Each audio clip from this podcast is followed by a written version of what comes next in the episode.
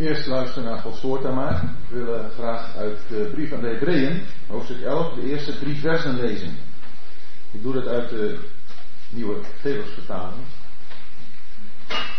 Hebreeën 11, vers 1. Het geloof nu is de zekerheid van wat men hoopt, de overtuiging van wat men niet ziet. Want in dit geloof hebben de ouden getuigenis verkregen. Door het geloof begrijpen wij dat de werelden door Gods woord bereid zijn, zodat wat men ziet niet ontstaan is uit wat zichtbaar is. Hebreeën 11. Een ongelooflijk boeiend hoofdstuk. Bemoedigend. Een hoofdstuk waarin mensen worden beschreven die in het geloof hebben geleefd. Dat is wat ons ook vandaag mag kenmerken. In 2 Korintiërs 5, daar staat het vers, mijn vers 7, wij wandelen door geloof. Niet door aanschouwen. En ik denk dat het op zich in de tijd waarin we leven sowieso een heel actueel onderwerp is en ben ik daar mee. Want ook in de christenheid infiltreren steeds meer dingen die appel doen op wat we zien, op wat we voelen. En wat is nu zo belangrijk? Dat wij ons niet op sleeptouw laten nemen door wat we om ons heen zien gebeuren, horen gebeuren, maar dat we ons richten op het woord van God. En met name de Hebreeën, aan wie deze brief geschreven is, zijn ons daarin tot een bijzonder voorbeeld. Dat we zeggen, de Hebreeën, de Joden, die tot geloof zijn gekomen in de Messias Jezus. Hebreeën 11 gaan tien hoofdstukken aan vooraf. En in die tien hoofdstukken heeft de schrijver, ongetwijfeld apostel Paulus, de Joodse gelovigen, de Messias beleidende Joden, om het even zo in die tijd te plaatsen, maar ook dat wordt steeds actueler. Deze Joden een hart onder de riem te steken, omdat zij stammen uit een traditie waarin alles zichtbaar was, alles tastbaar was. Waar de hele godsdienst, maar ook het hele leven, punt voor punt in het Oude Testament geregeld was. Deze Joden waren tot geloof gekomen. En ze hadden daarmee de godsdienst van de vaderen de rug toegekeerd.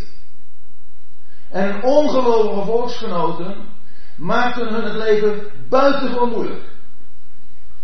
Die zeiden tegen hen, moet je luisteren, jullie hebben helemaal niks. Wij hebben een tempel. En, en jullie offers, wij hebben geweldige offers. Wat, wat doen jullie? We weten uit Hebreeën 13 dat het gaat om het hart. Niet meer om de letterlijke offers. We weten uit andere delen van het Nieuwe Testament dat het niet gaat om een zichtbare tempel, maar dat het gaat om een geestelijk huis. En die Joden konden daarop wijzen. En ze maakten het hun gelovig geworden volksgenoten bijzonder lastig. En aangekomen in hoofdstuk 11 heeft Paulus hun daarmee nog eens een extra hart onder de riem willen steken. Door hen te wijzen op gelovigen uit de oude tijd. Die precies hetzelfde geloof hadden. Dat ook zij nu hebben. Het geloof in iemand die het niet ziet. Maar die het toch is.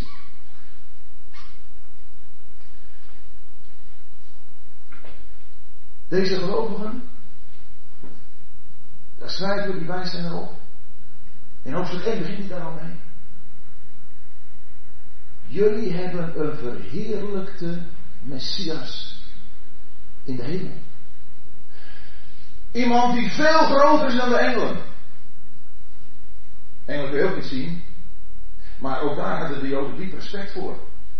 En ook die engelenverering komt vandaag de dag steeds sterker weer buiten op de een of andere manier in het occultisme. In hoofdstuk 2 spreekt de apostel, spreekt de schrijver erover dat er een toekomstig aardrijk is. Waarover hij, die hij in hoofdstuk 1 als die verheerlijkte, die alles te bovengaande Christus heeft voorgesteld, over wie deze zal regeren. En zegt hij dan in hoofdstuk 2, hij, en noemt hem Jezus, is nu al gekroond met heerlijkheid en eer. Deze Joodse gelovigen waren vertrouwd met beloften. God had hen in het Oude Testament beloofd dat zij de zegen zouden beërven. En we weten uit het Nieuwe Testament dat is de zegen van het duizendjarig vrederijk. Waarin door de Heer Jezus, de Zoon des Mensen, zal worden geregeerd. En waarin alles zo heerlijk, rustig, vreedzaam, in harmonie met elkaar zal samenleven. Hij zal regeren. Er is geen enkele vijand meer. Ze zijn allemaal verslagen. En Gods volk is in de rust. Maar waar beleven ze? Vijandschap. Hoofdstuk 10 hebben ze zelf de roof van hun goederen. Misschien zijn ze wel onterfd, onteigend, bezittingen kwijtgeraakt. Hebben ze met blijdschap aanvaard. Zo zegt de schrijver dat in hoofdstuk 10. Maar als dat al zo lang duurt en die beloften die gedaan zijn maar niet komen, dan zou ik toch een neiging krijgen om maar weer terug te gaan naar het oude. Dan wist je tenminste wat je had. Nu moet je het inderdaad maar geloven. Maar dat is nou geloof.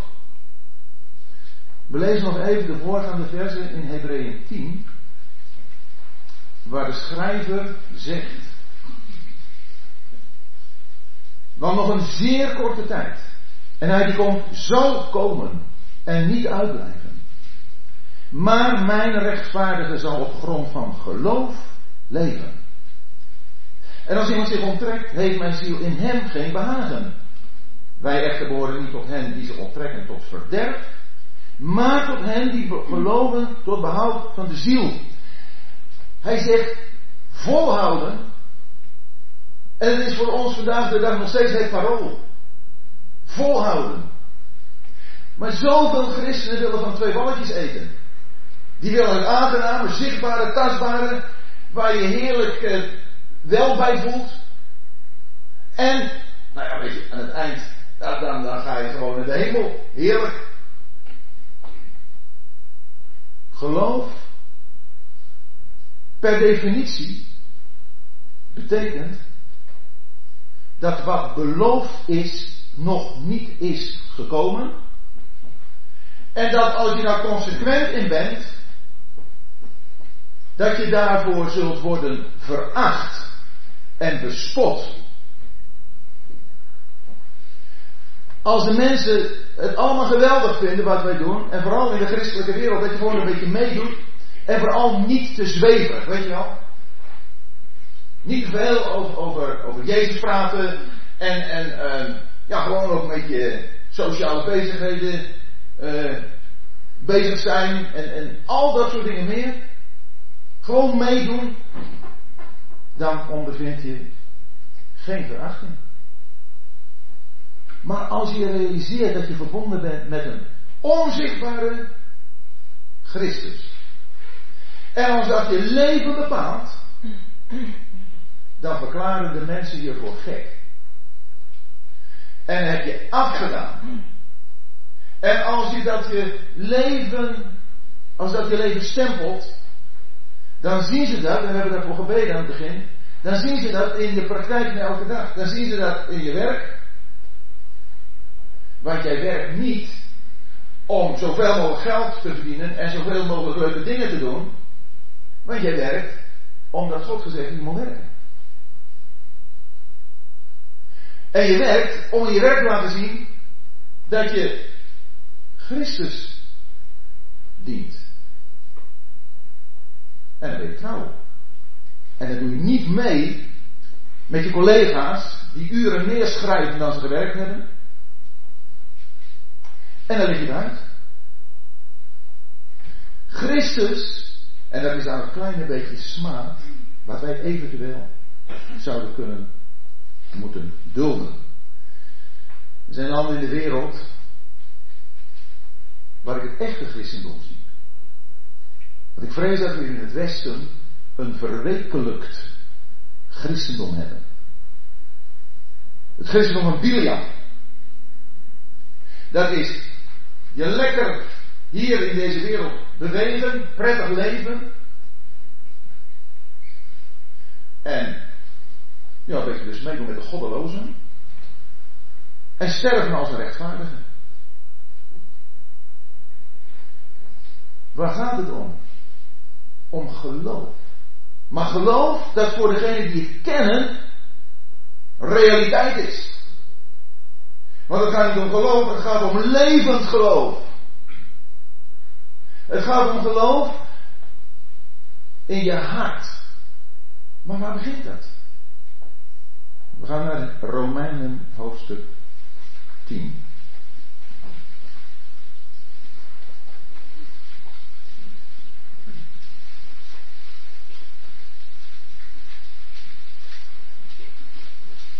Romeinen 10, daar zegt de apostel Paulus in het midden van vers 8.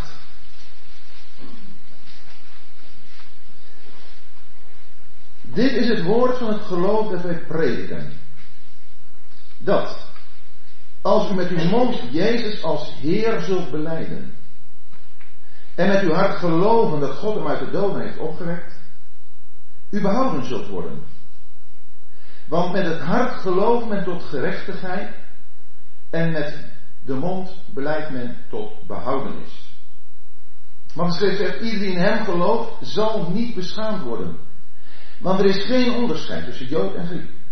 Want dezelfde Heer is van allen, is rijk jegens allen die hem aanroepen.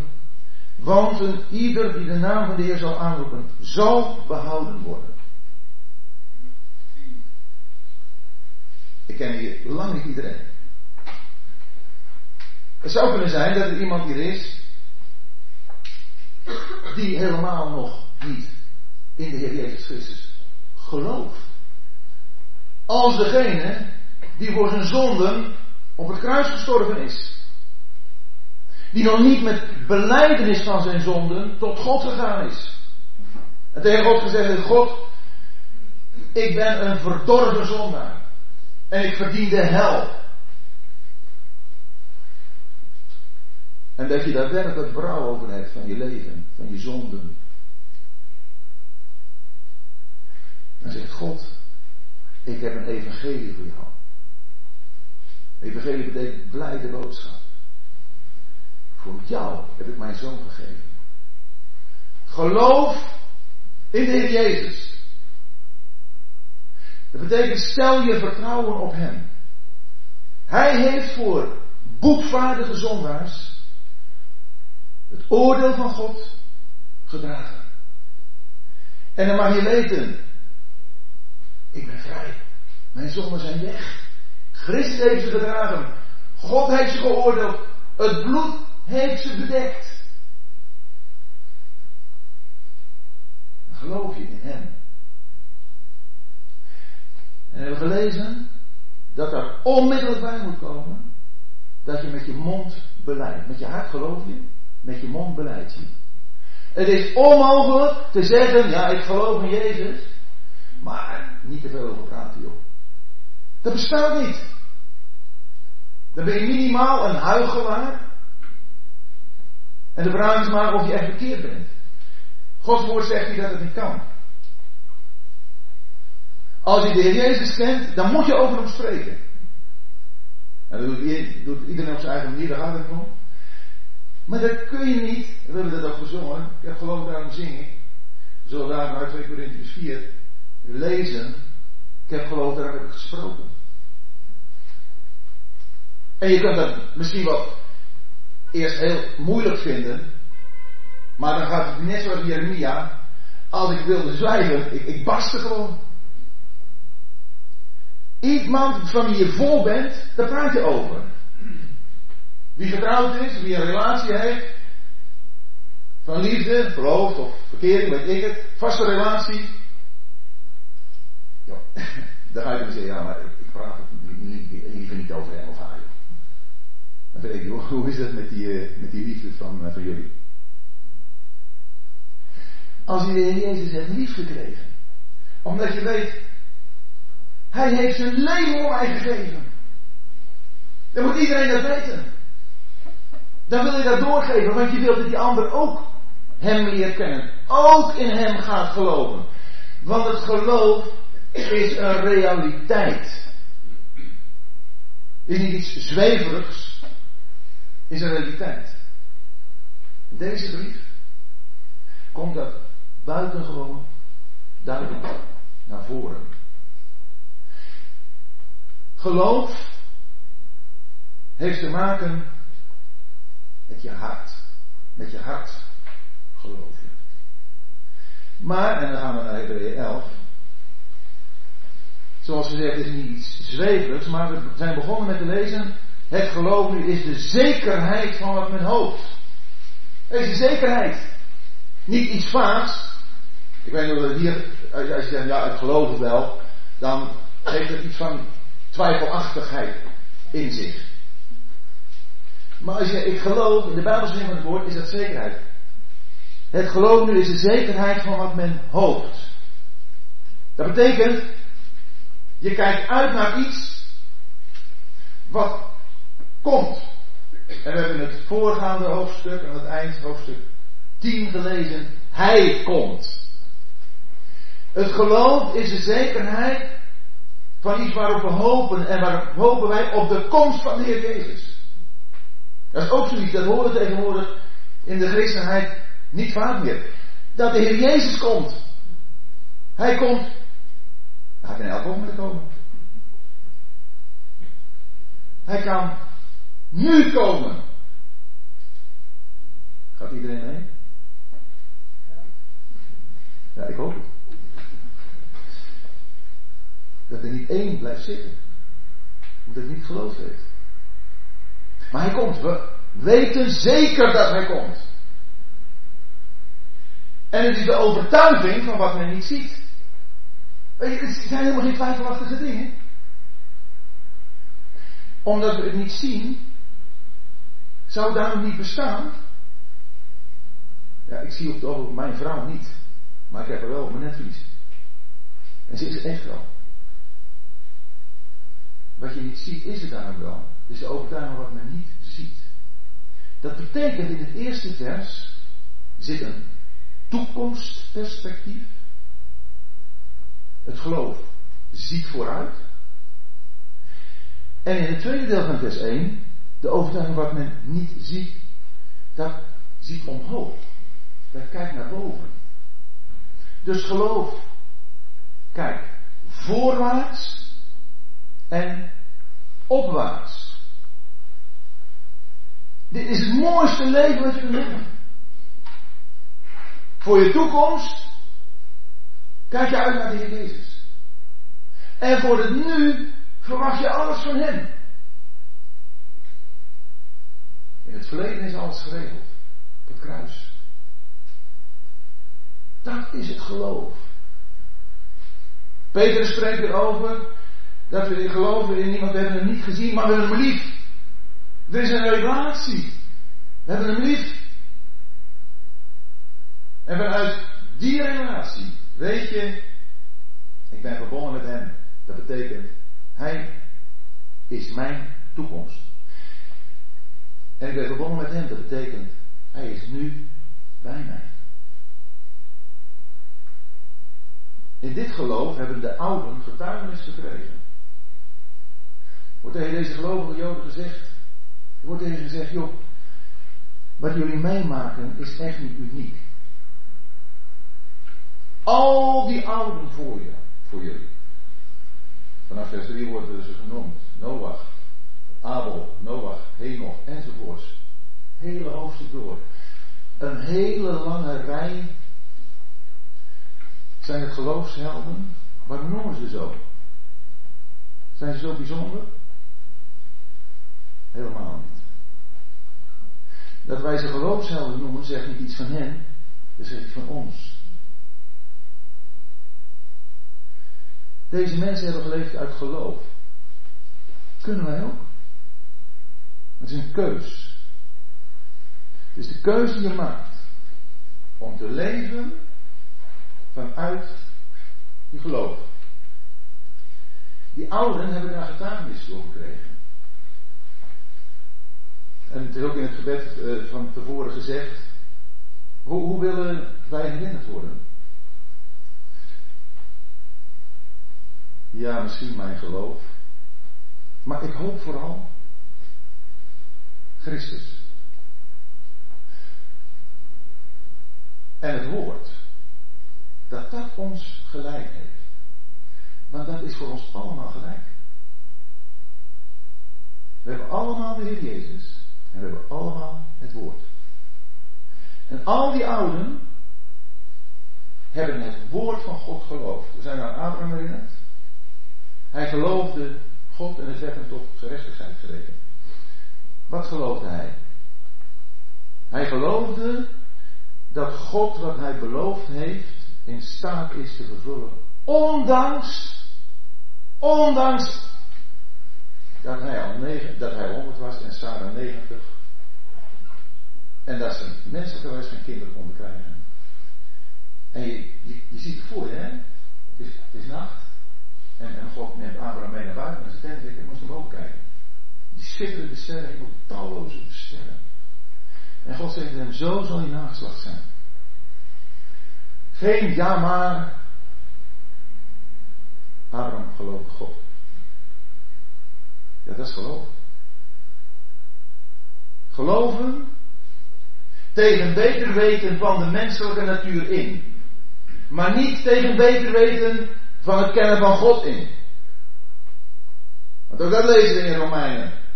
Dat Abraham was er volkomen van overtuigd dat God bij machten was dat te doen. Daar gaat het om, om een God die bij machten is om dingen te doen die voor mensen onmogelijk zijn. Het is in de eerste plaats nog een keer gezegd dat de Heer Jezus voor mijn zonde gestorven is. In drie uren van duisternis heeft hij al mijn zonden in zijn lichaam gedragen op het hout. En het volle oordeel van God erover ontvangen.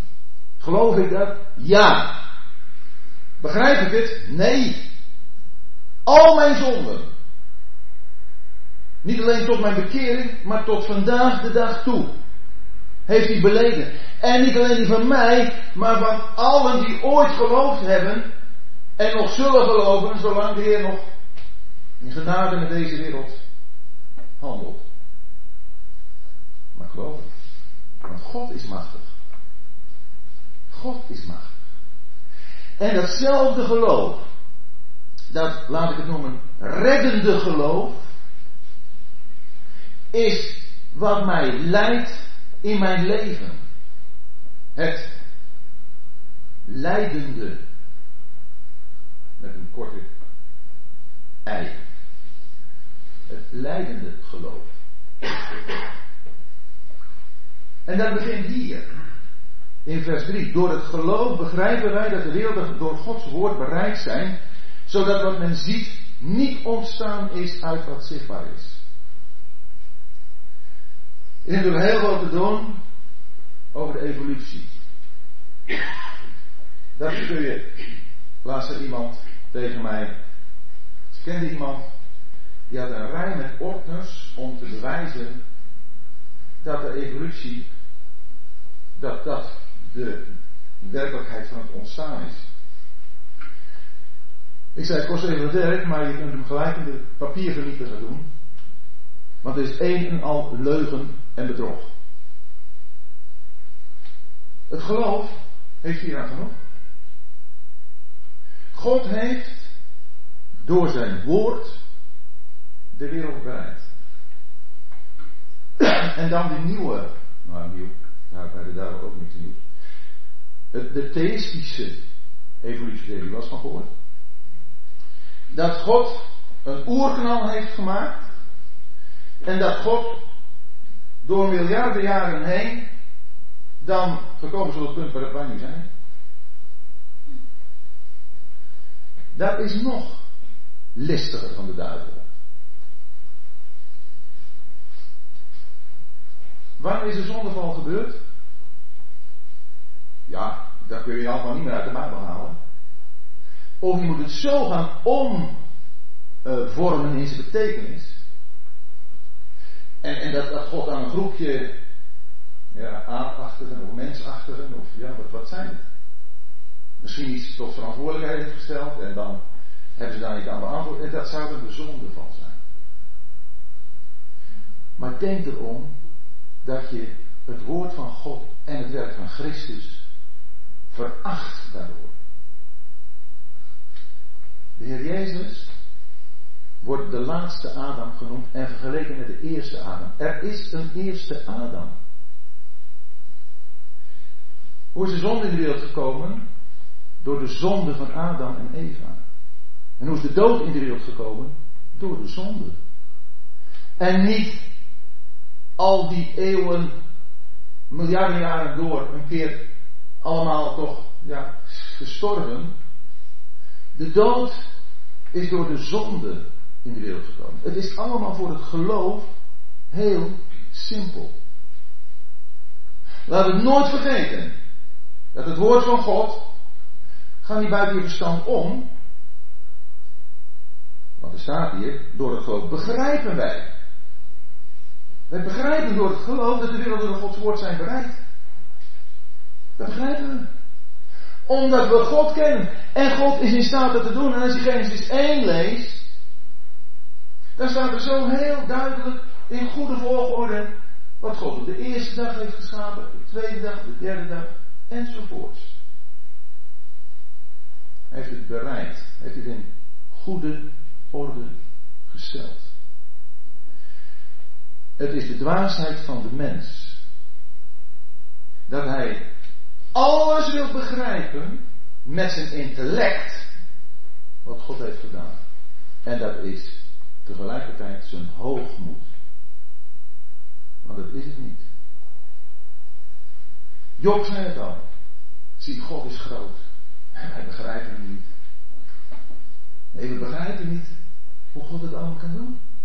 En niet alleen maar in zes dagen scheppen, maar ook alles tot nu toe dragen.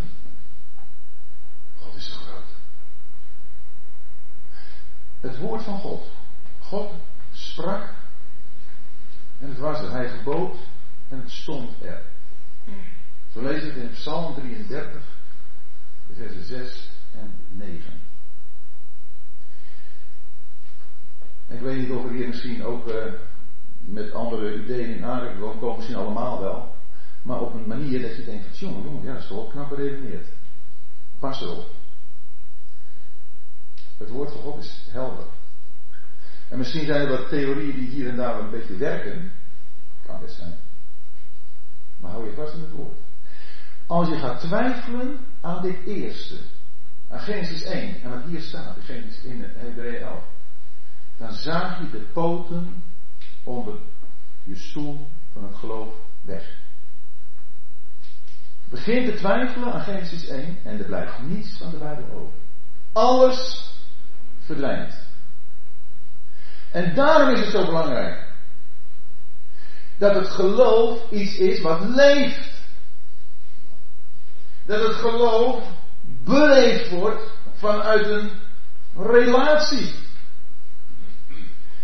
En dat het geloof iets is wat zich bewijst in het leven van elke dag. We gaan zo nog even naar 2 Korintiërs 4 daarvoor. Maar eerst nog dit.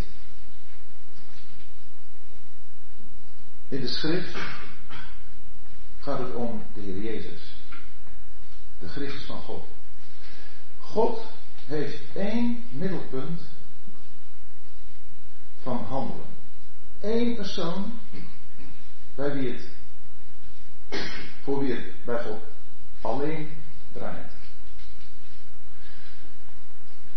En als we tot geloof komen, hebben wij daarin gemeenschap met God. Dat in ons leven ook alles om de Heer Jezus gaat draaien. Als God de wereld heeft geschapen, dan heeft hij dat gedaan door de Zoon.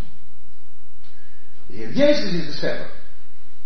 In de geloofsbeleiding staat wel, ik geloof in God, de Vader, de schepper van hemel en aarde. Maar dat is niet in overeenstemming met de Bijbel. Ik dat het dwaalleer is. Maar de Bijbel is er duidelijk over dat de Heer Jezus de schepper is. Johannes 1, Hebreeën 1, Colossensen 1. Dan kunnen we dat lezen. In het begin, Johannes 1, in het begin was God. In het begin was het woord en het woord was God en het woord was bij God. En zonder hem is niet één ding geworden dat geworden is. Zonder dit woord. En dan lezen in Johannes 1 vers 14. Het woord is vlees geworden. Het is Heer Jezus. Hij is de schepper. Hij is uw, is jou en mijn schepper. En daar ben ik zo ongelooflijk dankbaar voor. En ook dat hij niet alleen mijn schepper is, maar ook mijn verlosser. Ik dank alles aan hem.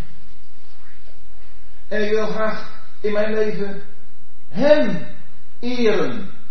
Hem laten zien.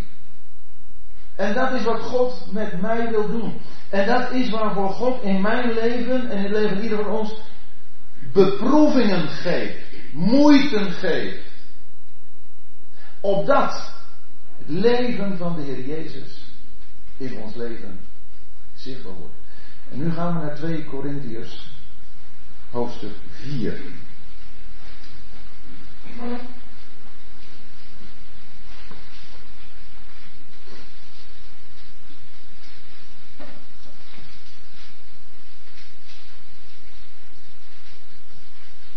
En we lezen vers 3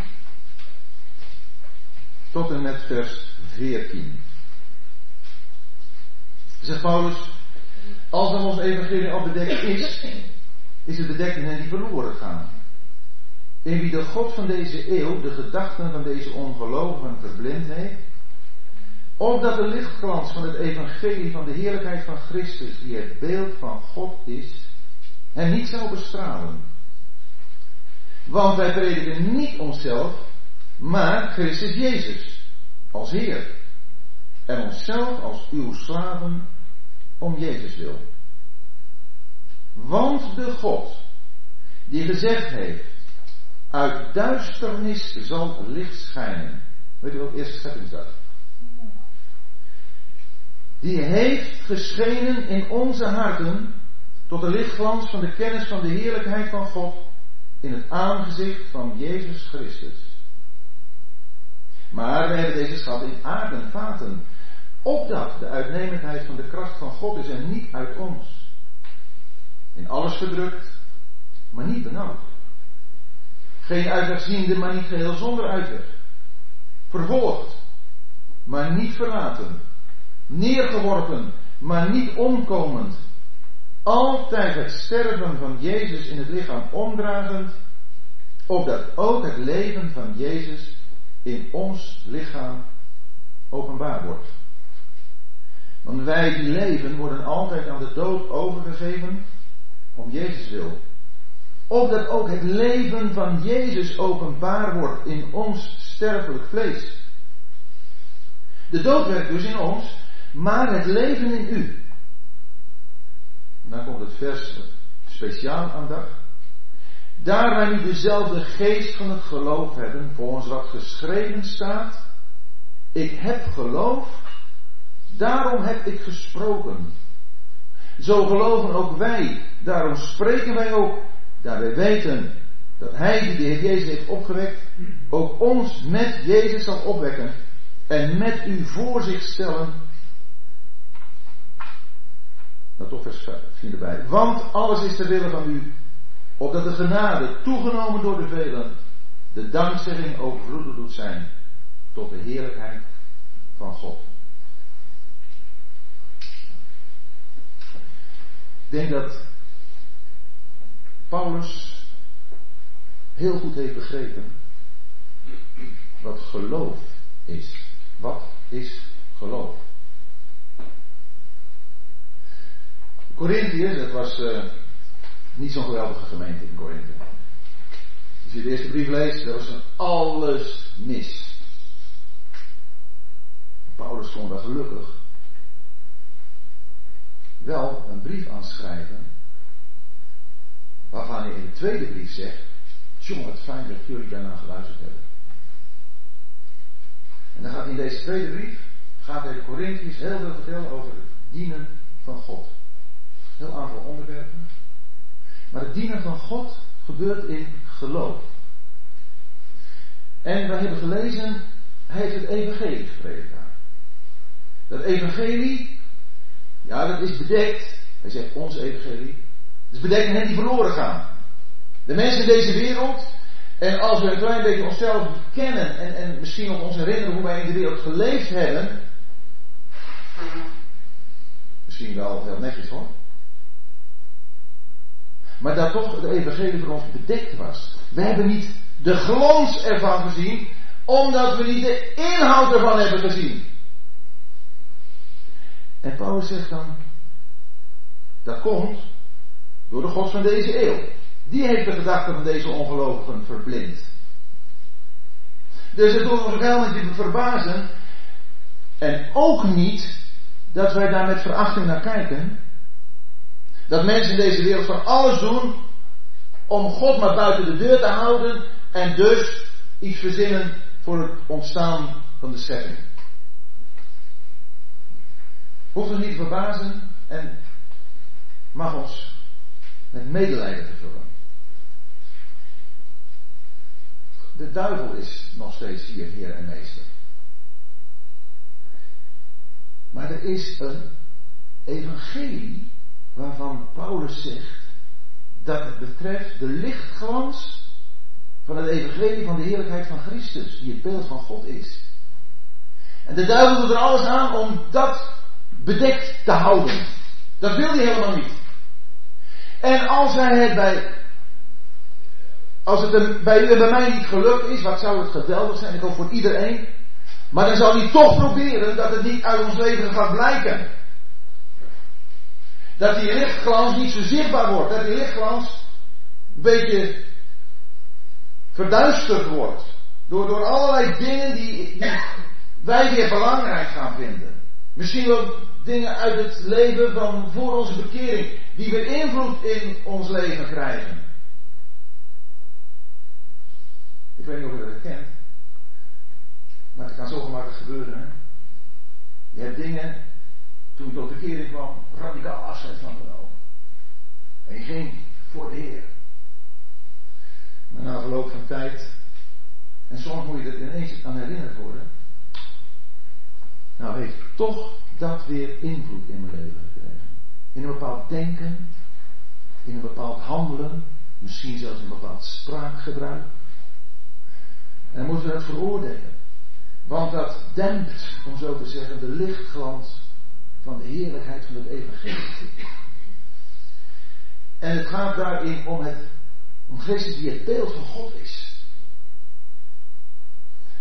En de Satan wil niet dat Christus gezien wordt. En waar die in u en mij en jou en mijn leven gezien wordt, dan knast het dan hij. Dan zal hij proberen om dat de nek om te draaien. Maar dat willen we niet. Wij willen leven in geloof. Wij willen leven met het oog gericht op de heerlijkheid van Christus, die het beeld van God is. En dan zegt Paulus, wij prediken niet onszelf, maar Christus Jezus als Heer. We hebben ook in Romeinen 10 gelezen. Dat je met je mond Jezus als Heer beleidt. Daarom spreek ik zelf bij voorkeur over de Heer Jezus. Het, zo'n platvloerse Jezus, en Jezus dit en Jezus dat.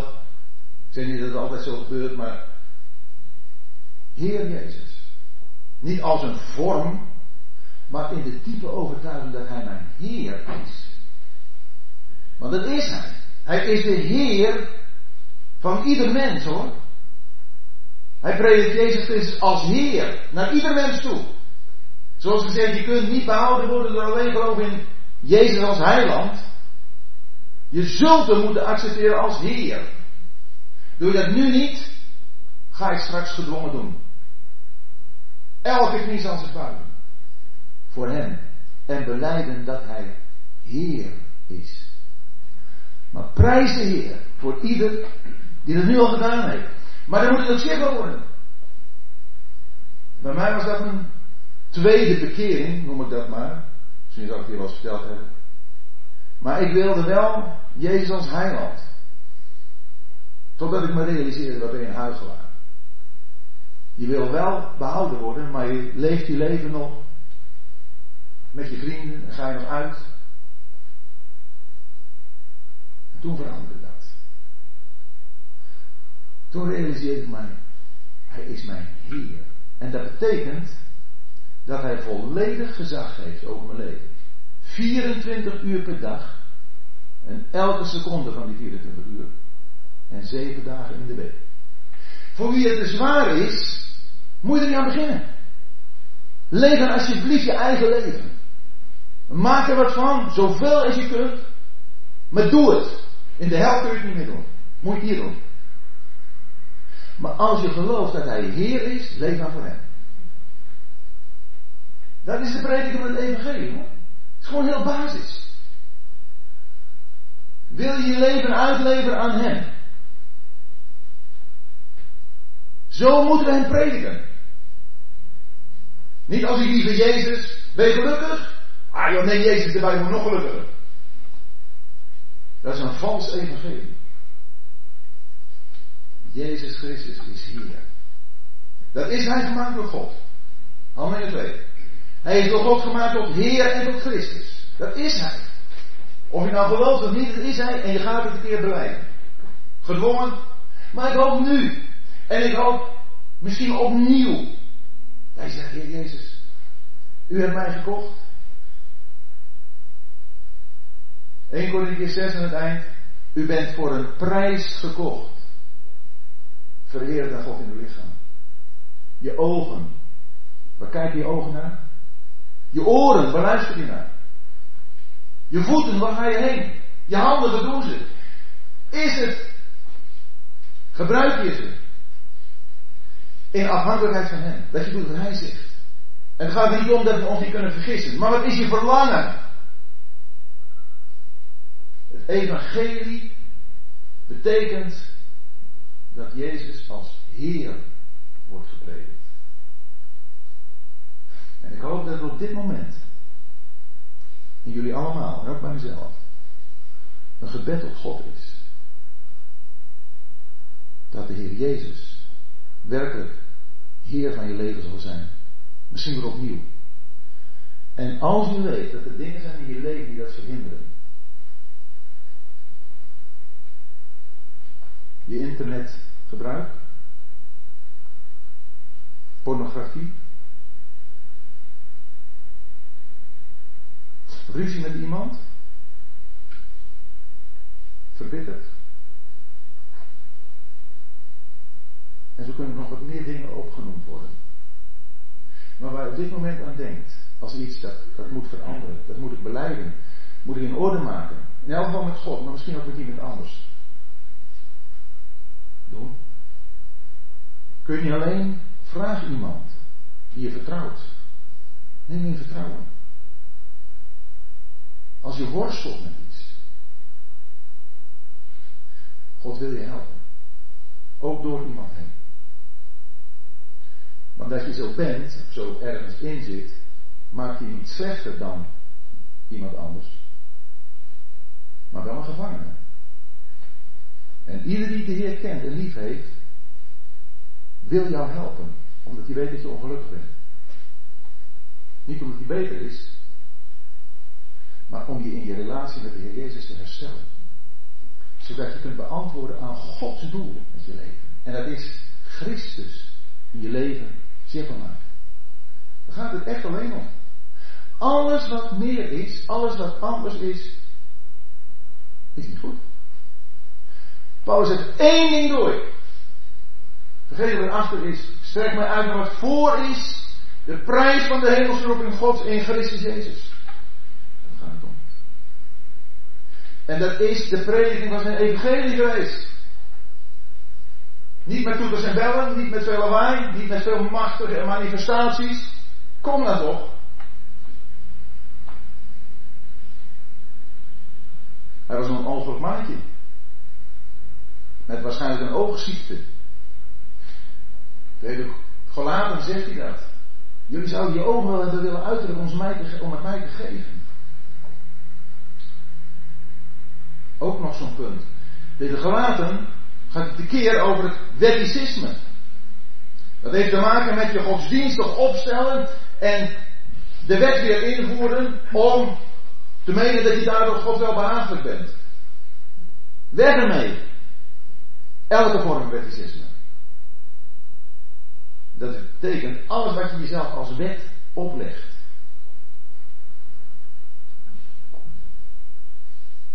Of je opgelegd wordt. De vrijheid in Christus is een vrijheid die natuurlijk gereguleerd, geregeld wordt door Gods woord. En nooit iets zal doen wat tegen de wet ingaat. Uiteraard niet. Maar het gaat er niet om te presteren. Het gaat erom Christus zichtbaar te maken. En dat is wat Paulus zegt tegen Galaten. Ik ben opnieuw in barensweeën van jullie. Opdat Christus gestalte in jullie krijgt. Daar gaat het om. Christus. Als je die predikt, dan predik je het evangelie. En Paulus zegt, wij prediken niet onszelf, maar Christus Jezus als Heer. En onszelf als uw slaven. Jezus. Wij zijn maar slaven. Welke dienst we ook mogen doen, het is een slavendienst. Want de God die gezegd heeft, uit duisternis zal licht schijnen, die heeft geschenen in onze harten. Ah, we hebben die parallel naar Genesis 1. Heeft God gesproken? Laat er licht zijn. Ja, dat heeft God gesproken. Heeft hij gezegd. Dat moet je niet alles gaan uitleggen. Dat die door de jaren, miljarden jaren heen. God heeft het gesproken op de eerste dag. En zo heeft hij gesproken tot u, tot mij. Dat licht zou schijnen in onze harten. Is het duistere huis van ons. Wat niemand mocht weten. Verborgen wilde houden. Toen kwam het licht van het evangelie en we zagen hoe donker, zwart het was. Maar wat een bevrijding. Ken je dat nog? Weet je het nog? Bevrijding. Dat je allemaal kon vertellen aan God. God, u kent mij. Ik heb voor u niets te verbergen. En dat je dan weet dat God je daar niet voor oordeelt. Maar dat God je zegt, al die vuiligheid heb ik in mijn zoon geoordeeld. Wat een bevrijding. Dat is de kennis van de heerlijkheid van God en het aangezicht van Jezus Christus. En dan komt wat we vers 7 lezen in de volgende versen. Maar we hebben deze schat in aarde vader. Het is een schat. Als je die lichtglans van de kennis van de heerlijkheid van God in het aangezicht van Jezus Christus in je hart hebt, dat, dat is alles. Dat is een schat. En dan staat er dat we die hebben in aardenvaten.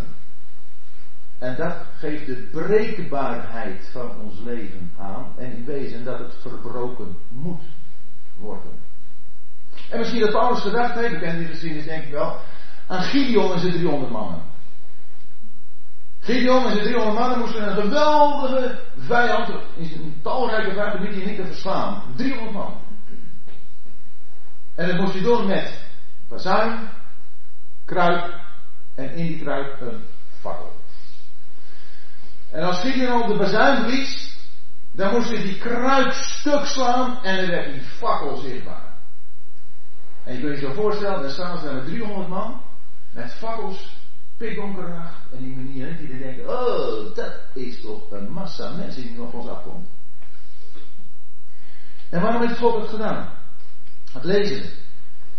Opdat de Israëlieten niet zich zullen beroemen op hun eigen kracht. En zo moeten wij ook eraan. Dat we niet denken, wij zijn wat hè. Wij zijn de betere mensen. We zijn de betere christenen. We zijn. We hebben die schat en aarde gehad en daarom staat er opdat de uitnemendheid van de kracht van God is en niet uit ons.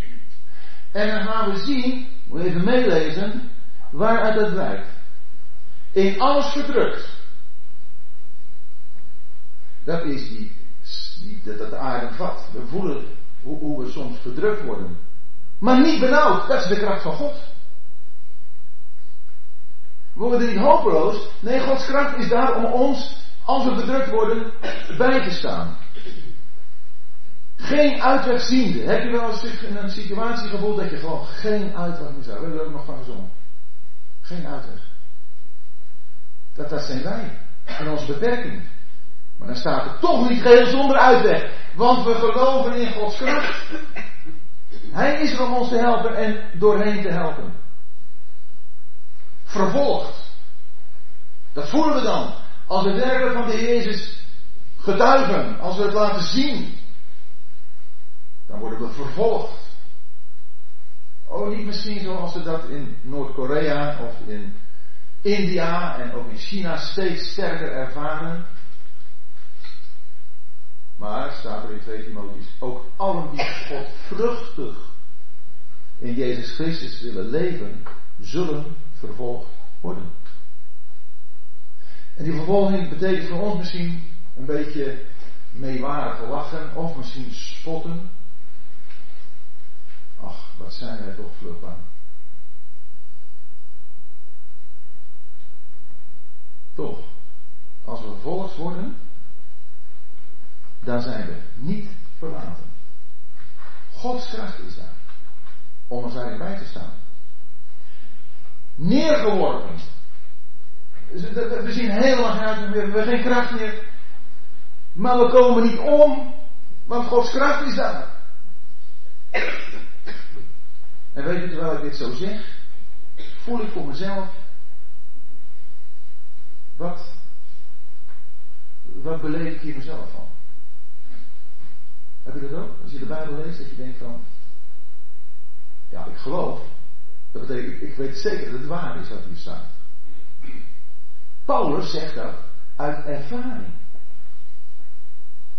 En talloze christenen in de wereld ervaren dit. U en ik. En toch blijft de waarheid staan. Toch blijft de waarheid staan. Dat wij altijd het sterven van Jezus in het lichaam omdragen. Wat betekent dat? Uiteindelijk betekent dit, ik leef niet meer voor mezelf. Het sterven van de Heer Jezus betekent voor mij het einde van mijn eigen leven. Dat ik het leef zoals ik het wil leven. Want ik ben gestorven. Geloven we dat? Ja, dan zeggen we vaak, ja, geloof ik wel. Als we het echt geloven, heeft dat effect. Dan laat ik mij door hem leiden, want dan komt het leven van Jezus in ons lichaam openbaar. Als er alleen Jezus staat, in de Hebreeënbrief, een keer of zeven, maar ook hier, dan heeft dat bijna altijd te maken met zijn leven hier op aarde. In vernedering. Zoals gezegd, hij is nu de Heer. Maar als er gesproken wordt over Jezus, dan verwijst dat vaak terug naar zijn leven op aarde omdat ook het leven van Jezus in ons lichaam openbaar wordt. Wat betekent dat dus? De Heer Jezus liet zich alleen maar leiden door zijn vader. Hij deed altijd wat de vader hem opdroeg. En dan zal het ook bij ons zo zijn. Meer en meer gevonden worden. Dat de Vader ons kan leiden en in ons de Heer Jezus kan herkennen. Want wij die leven, zegt wij worden altijd aan de dood overgegeven om Jezus wil, omdat ook het leven van Jezus openbaar wordt in ons sterfelijk vlees. Ja, daar kan je over praten. Hebben wij wel eens iets meegemaakt? Misschien dat het niet een hele tijd in ons leven, maar toch wel eens een, moment meegemaakt. Ja, je, je wanhoopt in het leven. En dat je weet, hij is erbij. En zegt Paulus, zelfs al zou het zo zijn dat ik het leven zou moeten laten, dan nog weet ik dat ik zal opstaan, net zoals de Heer Jezus is opgestaan. En hoe komt dat? Omdat, in vers 13, hij zegt, daar wij nu zelf de geest van het geloof hebben, volgens wat geschreven staat. Dat is de geest van het geloof. Hij citeert uit Psalm 116, volgens wat geschreven staat. En als je die psalm leest, dan gaat het over beproeving. Dan gaat het over doodsangsten. Dan gaat het over bevrijding daaruit. Paulus citeert dit vers, die geest van geloof hebben wij, net als zij vroeger, Hebreeën, net als die ouden. En dan, zo geloven ook wij, daarom spreken wij ook. Ons geloof moet getest worden. Beproefd. Anders is het geen geloof. Het is juist als er de proef gesteld worden, dat blijkt wat ons geloof waard is. En niet alleen maar de heftigheid van een beproeving, maar soms ook de lange duur van een beproeving. Maakt het zo zwaar. Job is een man, vrezend, vroom, wijde van het kwaad. En die werd beproefd. Ja, zegt de Satan tegen God. Is natuurlijk ook wat, hè? Dat Job u vreest. Tuurlijk doet hij dat. Moet kijken. Zoveel zegeningen. Goed zegt God. Neem hem alles maar af. Maar niet zijn leven. Satan neemt hem alles af. Ja, zegt Satan. Ja, dit is nog een kunst, hè? Hij is nog zo gezond als het is. Goed zegt God. Je mag ook zijn gezondheid aantasten. Maar blijf leven aan. God bepaalt de grens. En er staat er aan het eind van Job 2 dat Job met zijn lippen niet zondigde. En dat is echt, zouden wij het goede van God aannemen en het kwade niet. Dat kan gezegd worden in een tijd van grote nood. Maar zoals duidelijk is, Job stopt niet bij Job 2. Er komen nog 40 hoofdstukken over Job. Eerst in een dialoog met zijn drie vrienden, drie keer, die hem beschuldigen. Die zeggen, joh, maar luister Job, zeg nou maar wat je verkeerd gedaan hebt. Want uh, iemand die zo ontzettend moet lijden, moet wel heel ontzettend zwaar gezondigd hebben. Dat is de logica, de keiharde logica van het menselijk denken. Job is trouwens ook een beetje van hetzelfde soort. Hij redeneert alleen anders. Hij zegt, ik moet wel heel zwaar lijden. Maar ik heb niks verkeerd gedaan. Is God dan wel rechtvaardig? Maar Job houdt vast aan God. Aan het eind zegt God van Job, terwijl de drie vrienden een bestraffing krijgen. Jullie hebben niet recht van mij gesproken. Mijn knecht Job heeft recht van mij gesproken wordt Job door God vrijgesproken. En die veertig hoofdstukken, daarin zie je, nou ja, tot en met, vers, tot met 37, want vanaf 38 gaat God spreken. Ja, het is een indrukwekkend boek. Gaat God spreken. Maar tot zie je een Job die worstelt. Maar een worsteling in geloof. Want hij laat God niet los. Als je met iemand worstelt, dan je kunt niet nauwer met iemand verbonden zijn dan dat je met hem worstelt, toch? Je kunt niet dichter bij iemand zijn dan dat je met, je worstelt. Zoals Jacob ook met God heeft geworsteld. De Jabok. En in die worsteling zie je de echtheid van geloof van Job. En zo heeft hij daarvan getuigd. En dan staat er Jacobus, je hebt van de volharding van Job gehoord. De volharding van Job. Niet zijn godsvrucht, zijn volharding. En geloof wordt beproefd. En ik hoop zo dat wij, als ons geloof beproefd wordt, die volharding tonen. In het geloof dat Hem, dat God niets uit de hand loopt, maar dat Hij in ons leven aan het werk is om uit ons leven weg te doen wat niet tot eer van Hem, niet tot eer van de Heer Jezus is. En we zullen Hem er alleen maar meer door gaan eren.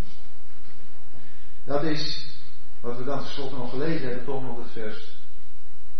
Dat het de genade die we mogen ervaren, de dankzegging overvloedig moet zijn tot heerlijkheid van God. En ik hoop dat dat bij ons de uitwerking mag zijn. Wat is geloof? Geloof is je vertrouwen stellen, de absolute zekerheid hebben dat God er is in Christus en dat Hij al zijn beloften vervult. Misschien hier, nu al op maar in elk geval straks, als Heer Jezus komt. Geen woord zal ter aarde vallen. Geloven we dat?